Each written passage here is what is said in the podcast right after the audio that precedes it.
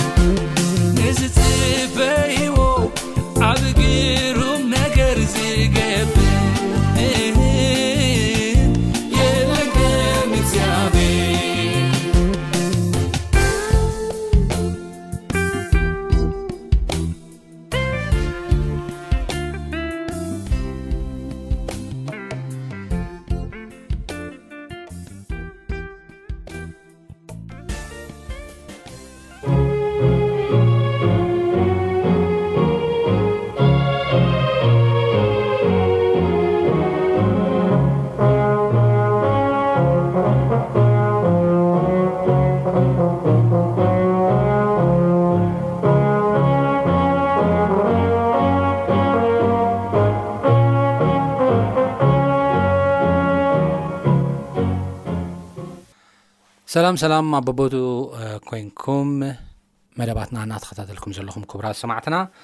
ኣብ ናይ ሎሚ ንሪኦ ሓሳብና ድማ ንፀጋ ኣምላኽ ከንቱ ምግባር ዝብል ሓሳብ ኢና ክንሪኦ ማለት እዩ ክሳብ ፍፃሜ መደብና ምሳና ክፀንሑ ብክብሪ ዝዕድም ኣነ ኣማን ፍሳህይኤ ከም ናይ መእተዊ ጥቕስና እንሪኦ ኣብ ካልኣይ ቆሮንጦስ ምዕራፍ 6 ካብ ሓደ ክሳብ ክልተ ዘሎ እዩ ከምዚ ድማ ይንበብ ጸጋ ኣምላኽ ንኸንቱ ከይትቕበሉ ንሕና መዓየይቲ ኮይንና ንምዕደኩም ኣለና ይብል ወይ ድማ ከንቱ ከይትገብሩ ማለት እዩ ጸጋ ኣምላኽ ንኸንቱ ከይትቕበሉ ወይ ድማ ከንቱ ከይትገብሩ ንሕና መዓየይቲ ኮይንና ንምዕደኩም ኣለ ንምንታይ ቁድሪ ክልተ ብቕብልቲ ግዜ ሰማዕኳ ብምዓልቲ ምድሓን ከዓ ረዳእኳ ይብል እዩ እሞ እኖታ ቕብልቲ ግዜ ሕጂ እያ እኖታ መዓልቲ ምድሓን ከዓ ሕጂ እያ እዚ ሓሳብ እዚ ኣብ ዝተፈላለየ ትርጉም ኣብ ከይና ኣብ ንርእየሉ እዋን ጸጋ ኣምላኽ ንኸንቱ ከይትቕበሉ ዝብል ሓሳብ ከንቱ ከይትገብሩ ወይ ድማ ጸጋ ኣምላኽ ተቐቢልኩምሲ ዕላማ ንዘይብሉ ስኢልካ ናብራ ክትነብሩ የብልኩምን ጸጋ ኣምላኽ ኣዝዩ ዝገርም ውበት ኣምላኽ እዩ ንዓና እንታይ ክገብረና ዝኽእል እቲ ኣባና ኣብ ተባላሽዩ ዘሎ መልክዕን ምስልን ኣምላኽ መልሹ ዝሕድስ እዩ ትዕግስትን ርህራሄን ፍቕርን ኣባና ክንፀባረቕ ዳግም ክገብር ዝኽእል ሓይሊ ዘለዎ እዩ ቁስልና ክፍውስ ሕማምና ክሕዊ ጉድሎታትና ክመልእ ካብ ሞት ካብ ጥፍኣት ድማ ክድሕንና ዝኽእል ፀጋ እዩ ስለዚ እዚ ሓይሊ ዘለዎ ፀጋ ኣምላኽ ህያብ ኣምላኽ ቃል ኣምላኽ ምንም ዕላማ ንዘይብሉ ነገር ከ ኣይትቀበሉ እዩ ምንም ዕላማ ዘይብሉ ነገር ምንም ንዘይትሰርሕሉ ንዘይትዓይሉ ንዘይትልወጥሉ ንዘይትሰርሕሉ ኣይትቀበሉ እዩ ዝብል ዘሎ ፀጋ ኣምላኽ ከንቱ ይትግበርዎ ባኹም በፂ ወ ተቀበልዎ ግን ክስኢልካ ዩዚት ተጠቀምሉ እዩ ዝብል ዘሎ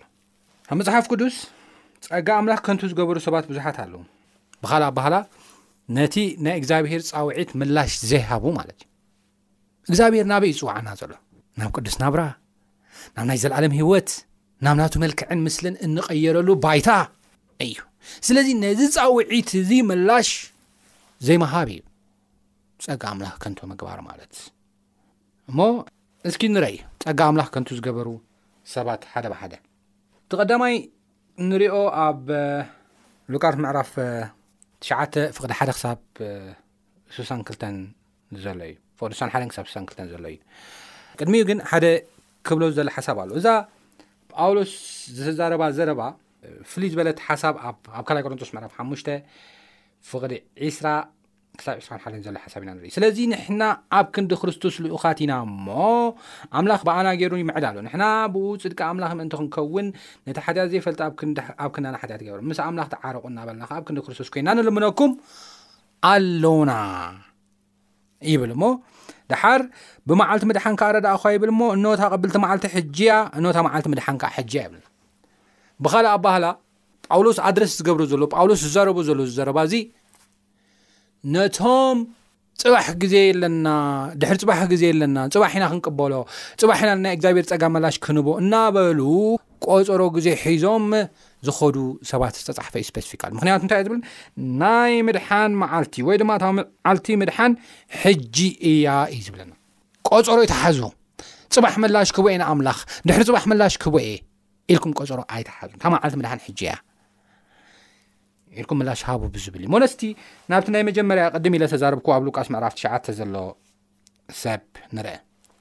ሉቃስ ምዕራፍ ትሸዓተ ካብ ሓምሳን ሸውዓተን ጀሚርና ብ ንሪእኣሉዋን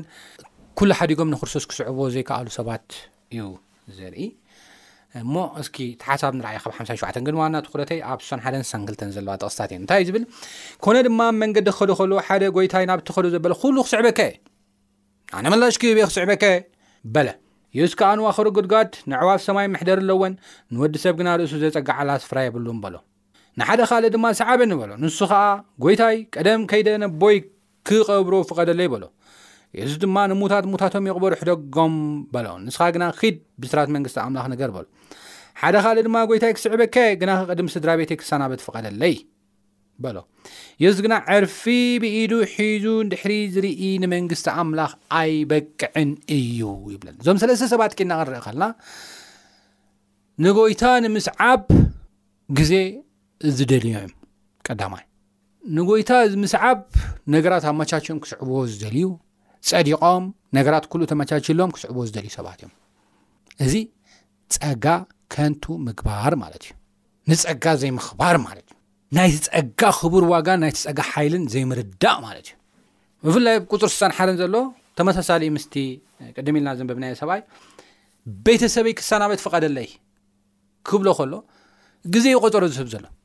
ግን ሎሚ ምህላውን ደይምህላውን ግን ርግፀኛ ኣይደለም ርግፀኛ ኣብዘይኮነሉ ነገር ግን እንታይ ኢሉ ተዛሪቡ ካብ ስድራ ቤተይ ክሰናበት ፈቐደለይ ክስዕበካ ይብርግፅ ግን ካብ ክሰናበት ፈቐደለይ ቆፀሮ ማሓስ መዓልቲ ምድሓን ሕጂ እያ ሕጂ እያ እታ መዓልቲ ምድሓን ነቲ ፀጋ ተቐበልናዮ ብኣግባቡ ተቐቢልና ፕራክቲካሊ ሕጂ እውን ንክት ክንከይድ ይግባኣና እዩ እቲ ካልኣይ ሰብ ኣብ ማቴዎስ ምዕራፍ 19 ዘሎ ሰብ እዩ ማቴዎስ ምዕራፍ 19 ዘሎ ሰብ ሃብታም እዩ ነይሩ ብጣዕሚ በዓል ሃብቲ እዩ ነይሩ ናይ ክርስቶስ ቃል ሰሚዑን ብናይ ክርስቶስ ቃል ባህ ዝበሎ ሰብ እዩ ነይሩ ኣንፎርነትሊ ግን ገንዘቡ ካብ ኩሉ ነገር ኣብሊፁ ዝርኢ ንብረቱ ካብ ኩሉ ነገር ኣብሊፁ ዝርኢ ሰብ እዩ ነይሩ መፅሓፍ ቅዱስ ክነገረና ከሎ እሞ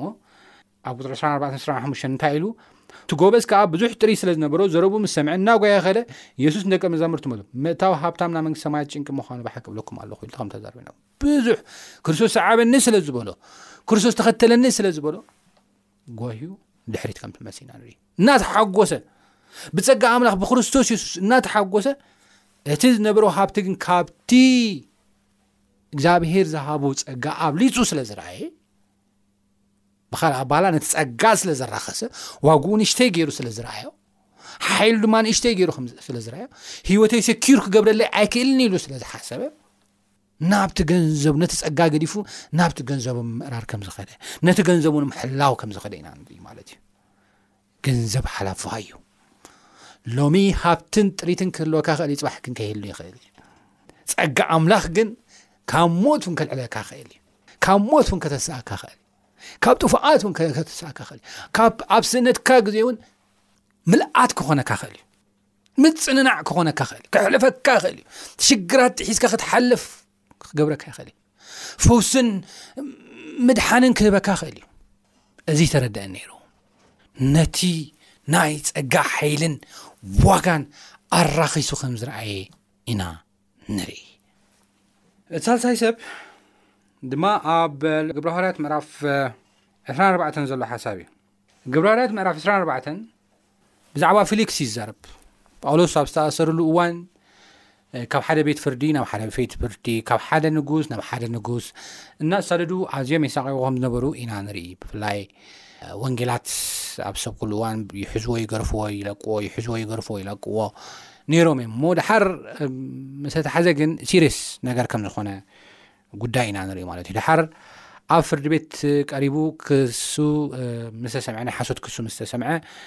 ፊሊክስ ዝበሃል ናይ ጳውሎስ ቃል ክሰምዕ ከም ዝተገደደ ኢና ንርኢ ማለት እዩ ሓር ፊሊክስ ካብ ጳውሎስ እቲ ብምሉኡ ብምንታይ ከም ተኣስረ ንምንታይ ከም ተኣስረ ፍትሓዊ ከም ዘይኮነ ክሰምዕ ኮፍ ኢሉ፣ ጳውሎስ ከኣ ወንጌል ኩሉ ምስ ተዛረቦ፣ ፊሊክስ እቲ ዝሰምዖ ቃል ክኽሕዶ ስለ ዘይከኣለ፣ ሓቂ ስለ ዝኾነ፣ ምስ ሓቂ ፊት ንፊት ስለ ዝተጋጠመ፣ ከምልጠላ ዝኽእል ክሞልቀላ ዝኽእል መህደሚ ስለ ዘይነበረቶ፣ በቲ ተራእየ እቲ ወንጌል ይጽውዖ ኣሎ። በዚ ተራእየ ስልጣኑን እቶም ምስኡ ዘለዉ ከሰስትን ይርእዎ ኣለዉ ነዚ ፈሪሑ ድማ ኣብ ክንዲ ጸጋ ኣምላኽ ምቕባል ንጸጋ ኣምላኽ ተቐቢሉ ድማ ኣብ ክንዲ ሓቂ እዩ ኢሉ ደው ኣብ ክንዲ ምባል ፌሊክስ ንጳውሎስ ከምዚ ኢሉ ከም ተዛረበ ኢና ንርኢ ብናይ ፅድቅን ኣብ ግብረ ሃዋርያት 2425 ብናይ ፅድቅን ንፅህናን ብናይቲ ዝመፅእ ፍርድን ምስ ነገሮ ግና ፌልቅስ ሰንቢዱ ሕጅስ መንገድኻ ኺድ ብዝምችወኒ ግዜ ኽትመፅእ ኽልእኸካየ ኢሉ መለሰሉ ይብለና ቀፀሮ መሓስ ነቲ ዝሰምዖ ፀጋ ኣምላኽ ነቲ ዝመጸሉ ናይ ምድሓን ኣምላኽ ሰባት ምፍራሕ ስልጣን ክውሰደኒ ኢልካ ምፍራሕ ክስእኔ ዘለኒ ነገር ክስእኔ ኢልካ ብምፍራሕ ስደትን ጭንቀትን ብምፍራሕ ነገር ግን ናይቲ ጸጋ ሓይልን ክእለትን ብርትዐን ጉልበትን ዘይምርኣይ ብመከራ እኳ ተሓለፍና ክረድኣና ዝኽእል ክንከባኸበና ዝኽእል ሂወትና ክሕልው ዝኽእል ናይ ዘለዓለም ሂወት እውን ከውርስና ዝኽእል ሓይሊ ዘለዎ ፀጋ ኣምላኽ ካብ ዘይምስትውዓል ፊሊክስ ፀጋ ኣምላኽ ንምቕባል ግዜ ከም ዝቕፅረ ኢና ንርኢ ኣብ ዝምችወኒ ግዜ ጸዊዐ ክልእኸካ እየ ኢሉ ከምዝጸውዖ ኢና ንርኢ። መዓልቲ ምድሓን ግን ሕጂ እያ እዩ ዝብል ካልኣይ ቆሮንቶስ ምዕራፍ 6 ፍቕዲ ክልተ ሕጂ እያ እቲ ዝወሃበካ ዘሎ እቲ ዝንገረካ ዘሎ ጸጋ ተቐቢልካ ብ ሂወትካ ኤክሰርሳይስ ምግባር ዝግባኣካ ዕለት ሕጂ እዩ ሎሚ ኣብ ዝተፈላለዩ ቦታታት ኮንኩም ረድዮታትኩም ከፊትኩም ተዳምጹና ትሰምዑና ዘለኹም ክቡራት ሰማዕትና ብማሕበራዊ ሚድያ ኣብ ኢንተርነት ኤwr ዶ ኦርግ ኢልኩም ኣትኹም እትሰምዑና ዘለኹም ሰማዕትና ከምኡውን ብኣይትንስ ዳውንሎድ ጌርኩም ትከታተሉና ዘለኹም ክብራ ሰማዕትና እዚ ፃውዒት እዚ ክሰምዑ ከለኹም ዕሽሽ ኣይትበልዎ መዓልቲ ምድሓን ሕጂያ እዚ ፀጋ እዚ ኩሉ ስግኣታትኩም፣ ይኸብደኒ ኢልኩም ትሓስብዎ ነገራት ኩሉ፣ የጨንቐኒ ኢልኩም መጻኢኹም ክትርእዩ ከለኹም ዋእ ካብ ቤተሰበይ ክንጸል እንዴ እሞ መቓብር ክስእን እንዴ እሞ ስርሐይ ክስእን እንዴ እሞ ካብ ዕሩኽተይ ክንጸል እንዴ እቲ ዘለኒ ስልጣን እሞ ክስእን እንዴ ካልኦት ካልኦት ስግኣት እናልዓልኩም መጻኢኹም ብምርኣይ ቆፀሮ ልክዕ ከምዞም ሰባት እዚኦም ትሕዙ ሰባት ኣሕዋተይ ኣሓተይ ሎሚ ነገረኩም ኣለኹ መዓልቲ ምድሓን ሕጂ እያ ነቲ ናይ እግዚኣብሄር ፃውዒት ነቲ ናይ ፀጋ ፃውዒት ምላሽ መሃብ ዝሕፍር ኣይኮነን ኣብ ሜዳ ከምቲ ትሓስብዎ ዘዋርድ ኣይኮነን ብዘይ ሰብ ንኽተርፉ ራሕርሕኩም ጠንጢንኩም ዝኸይድ ፀጋ ኣይኮነን ናይ ኣምላኽ ፀጋ ኣብዚ መረጋገፂ ተዋሂብና እዩ መረጋገፂ ተዋሂብና እዩ ምናልባት ሰይጣን ሎሚ እዚ ዝሃበና መረጋገፂ እግዚኣብሄር ዝሃበና መረጋገፂ ኣነ ምሳኸኤ ብሓዊ ምስ እትሓልፍ ምሳኻ ኣለኹ ብማይ ምስ እትሓልፍ ምሳኻ ኣለኹ ብኣዝዩ ኣጨናቂ መከራ ተሓልፍካ ምሳኻ ኣለኹ ዝበለ ጎይታ እዚ ክንዝክር ኣይደልን እዩ ሰይጣን ጥራሕ ስጋእታትና ክንርኢ እዩ ስጋእታትና ካብቲ ናይ ፀጋ ኣምላኽ ንላዕሊ ክንፈርሖምን ከነኽብሮምን እዩ ዝገብር እዚ ግን ትክክል ኣይኮነን ሎማ ዓይንትኹም በሪሁ እቲ ናይ እግዚኣብሄር ጸጋ ሓይሉን ናይ ምፍዋስ ክእለቱን ክትሪኡ ጸሎተይን ትምኒተይን እዩ ኣሞ ምላሽ ክትቡ ይግባኣኩም ግቡእ ዝኾነ ምላሽ ሂብኩም ጸጋ ኣምላኽ ተቐቢልኩም ብምድሓኑ ክትመላለሱ ይግባኣኩም እዩ ናይ ሰማያዊ ባሪ ተኻፈልቲ ክትኮኑ ውሉድ ኣምላኽ ክትኮኑ ወረስቲ ክትኮኑ ዘለዓለም ሂወት ክትወርሱ ንፃውዒት ክትቅበሉ ይግባኩም እዩ ኣብዚ ምድሪ እዚ ኮ ሕጂ ንሰግኣሉ ዘለና ነገር ወላ ስግኣት ኣይሃሉ ወላ ስግኣት ኣይሃሉ ፅባሕ ኮ ክትሞት ኢኻ ወይ ፅባሕ ኮ ክትሞት ኢኺ ግን እዚ ሕጂ ትፈርሕዮ ዘለኪ ወይ ዝትሰግእሉ ዘለኺ ሃብቲ ንብረት ስልጣን ዝምድና ዕርክትነት ገለ ኩሉ ግዜያዊ ነገር ካብ ሞት ከተሰኣካ ግን ኣይክእለን እዩ ካብ ጥፍኣትካ ከድሕነካ ግን ኣይክእለን እዩ ጸጋ ኣምላኽ ምስ እትፈርሖን ምስ እተኽብሮን ግን ካብ ሞት ከልዕለካ ይኽእል እዩ ከተንስኣካ ይኽእል እዩ ናይ ዘለዓለም ህይወት ክበካ ይኽእል እዩ ከውርሰካ ይኽእል እዩ ውሽጥኻ ድማ ዓለም ብዘይትህቦ ሰላም ክመልኦን ክባርኾን ይኽእል እዩ እሞ እዚ ክትርኢ ዓይነትካ በርሂ እዚ ክትርኢ ኩላትና ደማ ክንርኢ